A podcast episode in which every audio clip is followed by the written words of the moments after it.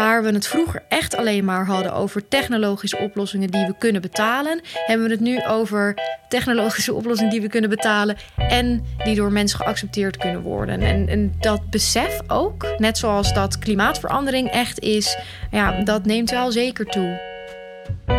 Hoe we wonen, hoe onze natuur eruit ziet, hoe we energie opwekken en hoe we reizen. Dat gaat de komende jaren allemaal veranderen. Maar kan dat allemaal wel? En hoe doen we dat? Dit is Nederland verbouwd in zeven vragen. Ineens had iedereen het er echt over. Het is ook belangrijk om onze economie en maatschappij letterlijk draaiende te houden. En dan heb ik het natuurlijk over energie. Al is de reden dat we het daar nu allemaal over hebben zorgwekkend. We hebben het bijna dagelijks over de hoge prijs van gas. nieuws volgt elkaar maar op. De energiecrisis... In november en december krijgt iedereen 190 euro korting op de energierekening. De prijs voor fossiele energiebronnen schoot omhoog en sleurde de hele energiemarkt mee. Het zijn de heftige naweeën van ons oude energiesysteem. Terwijl we steeds meer stappen zetten naar een nieuwe toekomst, met als stip op de horizon 2050, waarin de energievoorziening in de Europese Unie bijna helemaal duurzaam en CO2-vrij moet zijn. Van windparken op zee tot het aanleggen van nieuwe waterstofinstallaties. Er gebeurt nu al een hoop. Tegelijkertijd zien we dat de keuze voor een energiebron vaak nog leidt tot polarisatie. En lijkt het alomvattende plan hoe we onze energietoekomst vorm gaan geven nog niet duidelijk. Tijd om te kijken hoe we daar verandering in kunnen brengen.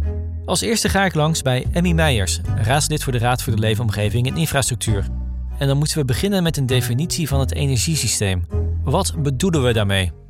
Een energiesysteem is eigenlijk uh, het samenraapsel van alle uh, productiemiddelen voor energie die we hebben. Dus dat kan gaan over gascentrales, kerncentrales, kan gaan over zon, wind. Maar ook waterstof uh, kun je toepassen als, om elektriciteit weer op te wekken. Dus alles wat er maar mogelijk is, kan onderdeel zijn van het energiesysteem. Ja, een energiesysteem is dus letterlijk dat. Het complete systeem van energiedragers tot energieopslag tot energiegebruikers. En dat betekent ook dat al die zaken samenhangen. Dus als je meer van het een doet en minder van het ander, dan kan het wel of niet goed uitpakken. Dus het is, je kan nooit, en dat is ook een van de zaken die we in het advies aangeven. Het is niet verstandig om alleen maar een besluit te nemen over één van die onderdelen, zonder na te denken over de vraag wat betekent dat voor het geheel. Ja, later meer over dat advies splijtstof. Maar eerst een voorbeeld van hoe alles met elkaar heeft te maken. Op dit moment is het zo dat we in het energiesysteem vooral willen gaan bouwen op zon en wind. Maar er zal uh, uh, ook aandacht moeten zijn voor de vraag: ja, als er dan geen zon en geen wind is, hoe wekken we dan elektriciteit op? Dan heb je een flexibel systeem nodig wat je aan en uit kan zetten. En daar kun je van alles voor gebruiken. Uh, daar kan je kernenergie voor een deel voor gebruiken, maar je kan ook eh, gascentrales met afvangen van CO2, je kan er waterstof voor gebruiken. Uh, maar je moet daar wel een oplossing voor kiezen. want anders kom je in een situatie dat er ooit een moment komt dat je op een dag dat alle lichten uitgaan en dat de bedrijven stilvallen en het verkeer stilvalt. en dat willen we natuurlijk niet. En dat klinkt als een dystopisch scenario. En gelukkig wordt er al het nodige gedaan om te voorkomen dat zoiets ooit gaat gebeuren. Ons huidige energiesysteem wordt gedomineerd door fossiele brandstoffen als aardgas, steenkolen en olie. En we weten dus dat we naar een nieuw systeem moeten, omdat we anders nooit die klimaatdoelen van 2050 halen. Maar is daarmee ook al duidelijk naar wat voor nieuw energiesysteem we toewerken?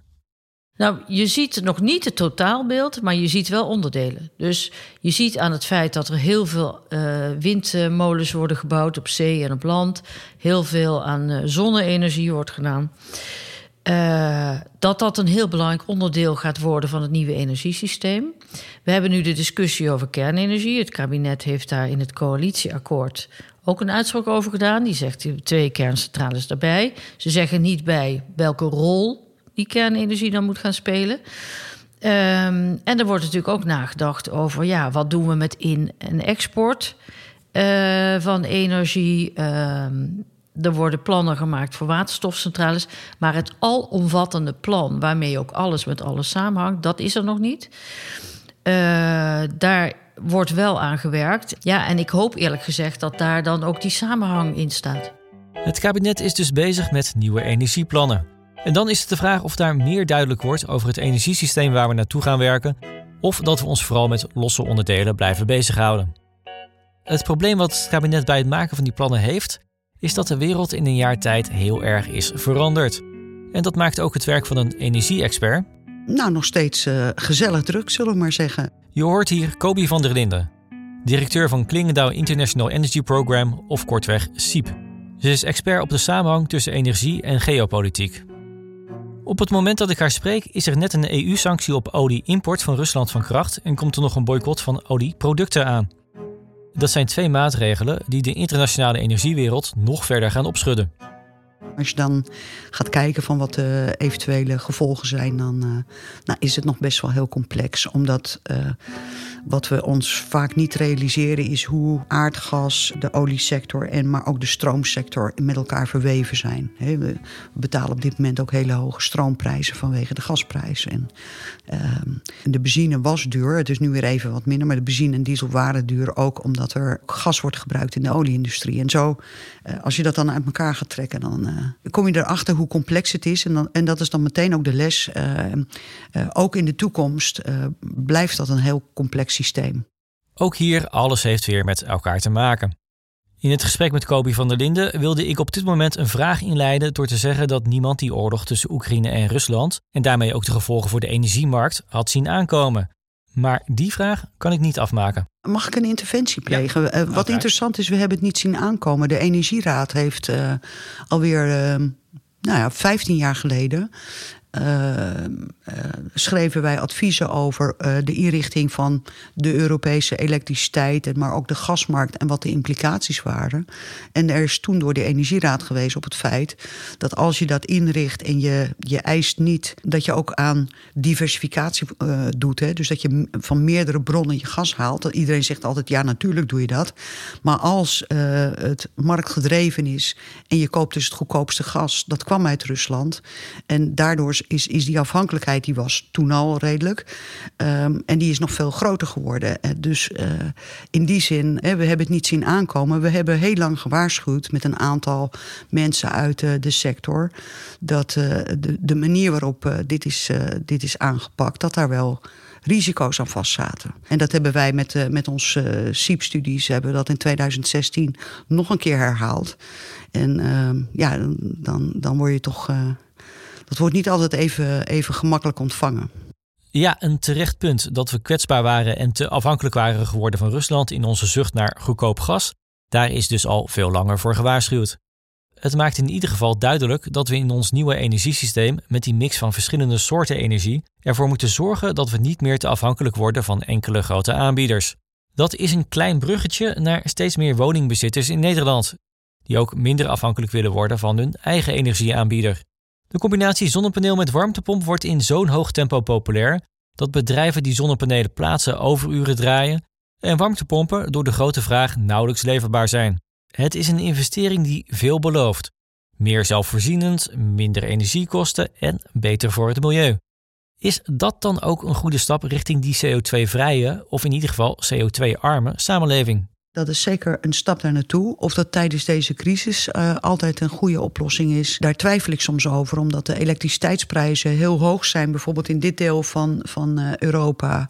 Omdat wij heel veel gas uh, gestookte centrales hebben.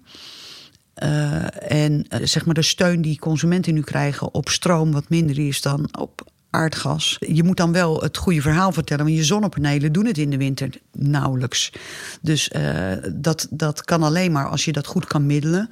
En als je een goede vergelijking hebt uh, hè, om de rekening te drukken. Dat was was natuurlijk toch ook het verhaal. Maar je ziet nu dat, dat daar steeds meer aan getornd wordt hoeveel je als uh, producerende consument terugkrijgt voor je zonnepanelen. Ja, dat is wel interessant. Bijvoorbeeld in Californië hebben ze, uh, gewoon omdat de capaciteit van het net helemaal niet groot genoeg was, hebben ze een, een regulering ingevoerd waarbij je niet meer mag produceren dan je zelf gebruikt.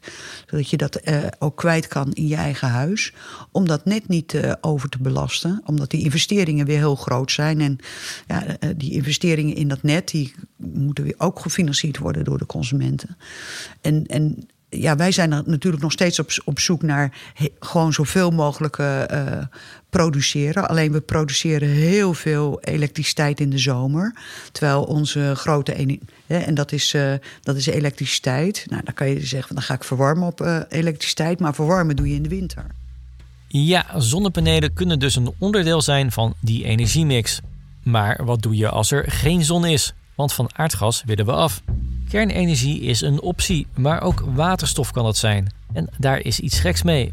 Want vraag op straat wat het is en hoe ver we ermee zijn, en de meeste mensen zullen kijken alsof ze water zien branden. Dus in het kort even de uitleg. Je voegt energie aan water toe, bijvoorbeeld energie die je groen kan opwekken met een windmolen of die net genoemde kerncentrale. Daardoor komen de waterstofatomen los en wordt er een waterstofmolecuul gevormd. En in dat molecuul zit dan energie opgeslagen, die je er daarna weer uit kunt halen om bijvoorbeeld een machine of een vrachtwagen aan te drijven. In de industrie is het al een heel belangrijke speler, met ook nog eens een enorm potentieel waarin flink wordt geïnvesteerd. Waterstof is helemaal niet onbekend. Dat wordt al in de industrie heel veel gebruikt. Het is een molecuul waar men gewend is om mee te werken op een uh, veilige manier. Het wordt veel gebruikt in de industrie. Uh, in Noordwest-Europa is uh, vertegenwoordigt ongeveer 58% van de hele Europese markt, huidige markt van grijze waterstof, is in het gebied West-Duitsland, Nederland, België tot en met Noord-Frankrijk daar zit gewoon heel veel van, van dat soort vraag. En je kan op die manier kun je variabele aanbod van zon en wind kun je omzetten in, uh, in moleculen, in waterstof, door uh, water te splitsen. In een electrolyzer. Alleen die electrolyzers, nou, de eerste uh, grote wordt nu gebouwd van 200 megawatt in, in Rotterdam. Uh, nou, dat is echt een gigantische sprong. Hè. De, de, de grootste nu werkende is 20 megawatt. Dus ze gaan nu 200 bouwen. En we moeten naar echt gigawatt uh, schaal toe. Dus er is een enorme industriële opschaling om uh, elektriciteit om te zetten, op een variabele manier om te zetten naar, naar waterstof. En die waterstof kan dan zowel in de industrie als ook in het vervoer, voor zwaar, zwaar vrachtvervoer, kun je. het is in feite een elektromotor met nog, met nog een fuelcel ervoor, waarbij je het omzet weer in uh, hoor je wel vaak van ja, dat is inefficiënt, hè, want je zet het om van het een naar het ander en dan weer terug. In de wereld van energie is, is, is technische efficiëntie niet altijd het enige leidende. Het gaat ook om de maatschappelijke of de economische waarde van het gemak of het kunnen opslaan. Je ziet nu hoe belangrijk het is in een energiecrisis en er is een aanbodtekort, hoe belangrijk het is dat er een voorraad is. Dus. Uh, dus een energiesysteem dat moet robuust gemaakt worden doordat het wat, ja, wat klappen en verandering kan opvangen zonder dat meteen overal het licht uitgaat of uh, er geen, uh, geen brandstof is om mobiel te zijn bijvoorbeeld. Er zijn voorlopig nog wel grenzen aan waterstof, zegt Kobi van der Linden. Transport is nog lang niet op het niveau van aardgas. En we zullen het ook niet genoeg zelf kunnen produceren en moeten het dus deels uit het buitenland halen. We zien nu wel al voorzichtig wat contouren ontstaan van het nieuwe energiesysteem. Ja, je kan variabele vormen van energie gebruiken, zoals wind en zon, maar daar moet je altijd stabiele energiedragers aan toevoegen. Maar welke keuze we ook maken, polarisatie lijkt er altijd te zijn. Of het nu gaat om zonnevelden bij boeren in Gelderland. De Gelderse boeren die daar wel oren naar hebben, die willen niet meewerken aan deze reportage omdat ze bang zijn voor kritiek. Of een Duitse kerncentrale die te dicht bij de landsgrens staat. Ja, ik bedoel, er hoeft maar iets te gebeuren. Um, en de hele bevolking tot, tot de IJssel, zou ik maar zeggen, loopt gevaar. Of windmolens die bijna voor je deur worden geplaatst. Kijk, uh, als die uh, Amsterdamse grachtengordel uh, elite windmolens willen hebben... Ja, dan moeten ze het gewoon in hun eigen achtertuin neerzetten of hier midden op de Dam. Wil je tot een gedragen energiesysteem komen, dan moet je er dus ook tijd in steken om tot dat brede draagvlak te komen. Ik ben nog steeds van mening dat die participatie in uh, besluitvorming over de, de, de richting van die energietransitie heel erg belangrijk is. Dat mensen daarin hun waarden kunnen laten zien. Hè. Dus dat betekent ook dat ze kunnen aangeven: onder deze voorwaarden kan ik het uh, zeker wel accepteren. Zegt Sanne Akerboom. Zij is onderzoeker energietransitie aan de Universiteit Utrecht. Haar specialisatie is burgerparticipatie in overheidsbesluitvorming voor klimaat- en energiebeleid. En je hoort gelijk haar belangrijkste punt: mensen willen zich gehoord voelen. En ze vertelt daarbij over haar onderzoek op dit gebied naar het plaatsen van windmolens. Dat ging over de wijze waarop de overheid die besluiten neemt. Die heeft de verantwoordelijkheid natuurlijk om de juiste locaties te kiezen, daar de bestemmingen aan te geven, de vergunningen af te geven. En die hoort daar uh, burgers bij te betrekken. Die in elk geval door te consulteren van goh, ik sta op het punt om dit en dit besluit te nemen. Wat zou je daarvan vinden? Dat is een manier om dat te doen. Um, ik heb onderzocht wat uh, daar precies gebeurt. Dus hoe uh, overheden dat aan mensen vragen, wat mensen dan vervolgens zeggen en hoe uh, overheden daar weer op ingaan en tot wat voor effecten dat leidt in de maatschappij. En daar uh, zag je toch heel vaak dat overheden uh, vrij minimaal mensen bevragen over wat ze ervan vinden. En op basis van de reacties ook minimaal die conceptbesluiten aanpassen. Dus mensen hebben heel erg het gevoel gehad dat ze wel moeite doen om ergens over in te spreken, maar dan nooit ergens invloed op kunnen uitoefenen. En omdat ze dan het gevoel hebben dat het een uh, belangrijke ontwikkeling is in hun fysieke leefomgeving, hadden ze dus gewild dat die overheid meer naar hen geluisterd had. En dan denk je misschien, iemand die zegt geen windmolens in zijn eigen omgeving te willen, die overtuig je toch niet. Maar dat is niet per definitie zo. Zelfs de groepen die met meer heftige verzet hebben gevoerd, die hebben altijd publiekelijk de mening gehanteerd dat het niet zozeer gaat om de precieze ontwikkeling, namelijk die windturbine, maar om de wijze waarop zij bejegend zijn in dat proces. Dat ze het en heel erg laat horen in het proces, dat daar voorafgaand op nationaal niveau al heel veel beslissingen over zijn genomen. En dat op het moment dat het zich eigenlijk bijna voordoet op lokaal niveau, dat er dan een keer gezegd wordt: zeg, dit zit er aan te komen. En dan voelen ze zich heel erg laat in het proces daarbij betrokken. Dan is er nog maar heel weinig invloed vanuit de maatschappij mogelijk. Ja, en voelen ze zich totaal overdonderd en geboeldozerd door zo'n overheid. En dat is dus nou wat die theorie al heel erg lang zegt. Betrek mensen er op zo'n vroeg mogelijk moment bij. En wat ik heb gezien, inderdaad, is dat er vanaf 2000 de, de, de, de, kernbesluiten eigenlijk al genomen worden. Maar dat mensen dat pas doorhebben in 2012 of 2013 of 2014. En dat een overheid daar dan ook heel gemakkelijk naar terugverwijst. Ja, maar dat hadden we in 2005 al gezegd hoor.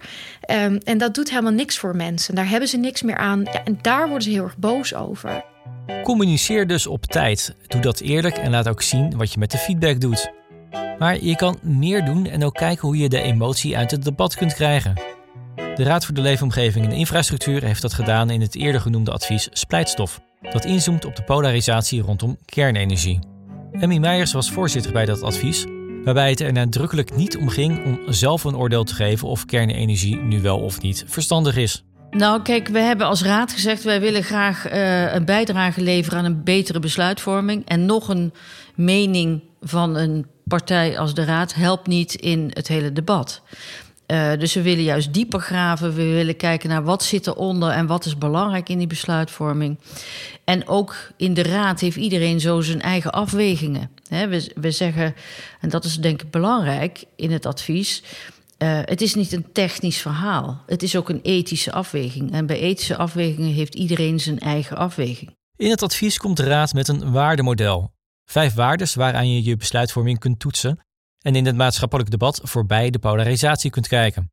Dat model is niet alleen toepasbaar op kernenergie, maar op alle energiebronnen die je wel of niet in je energiesysteem wilt hebben. Het zijn waardes met eenvoudige definities waarbij we beginnen met energiezekerheid. En dat wordt mee bedoeld uh, uh, dat we elke dag op elk moment voldoende energie hebben om de samenleving te laten draaien. En ook betaalbaarheid hoeft geen lange uitleg. Dat gaat natuurlijk aan de ene kant over de vraag: wat zijn de kosten van het hele systeem? En aan de andere kant gaat het over de vraag: wat willen we ervoor betalen en wie betaalt daar dan voor? De derde waarde is veiligheid. Dat gaat over safety. Dus bijvoorbeeld hoe veilig is een kerncentrale en het opslaan van kernafval. En security, dat dan gaat over de kans op misbruik van het kernafval en de kans dat je kerncentrale een doelwit wordt. De volgende waarde is duurzaamheid. Dat uh, uh, gaat wat ons betreft vooral over de CO2-emissies, waarvan we natuurlijk allemaal vinden dat die naar beneden moeten. Uh, het ruimtebeslag en de impact op het landschap. Het gaat over de eindigheid van grondstoffen. En dan gaat het niet alleen maar over uranium, maar allerlei energiedragers maken ook gebruik van allerlei hele zeldzame elementen. En dat hoort er ook bij. En natuurlijk de berging van kernafval. En dan hebben we na energiezekerheid, betaalbaarheid, veiligheid en duurzaamheid tot slot ook nog rechtvaardigheid. Daarbij zie je erop toe dat de besluitvorming op een rechtvaardige manier verloopt en kijk je ook hoe de lusten en lasten worden verdeeld. Dat kan op verschillende niveaus, bijvoorbeeld tussen generaties, sociale klassen of meer op geografisch niveau tussen gemeenten, regio's, provincies of landen. Het bekendste voorbeeld in die laatste categorie is Groningen. Nou, bij aardgaswinning in Groningen zie je zeg maar, dat uh, de idee over de verdeling van de lust en de last in de afgelopen jaren gewoon veranderd is. En dat nu vooral uh, de mensen in Groningen uh, laten zien dat er heel veel lasten zijn die zij ook niet meer willen accepteren. Terwijl de lusten natuurlijk voor de, door de aardgaswinning heeft natuurlijk ontzettend veel gebracht in de economische ontwikkeling van Nederland. Uh, en die lusten waren voor ons allemaal. Maar nu blijkt dat de lasten vooral in Groningen liggen. Ja, en dat is een van de voorbeelden waarin je kan zien hoe belangrijk het is om met deze thema's bezig te zijn.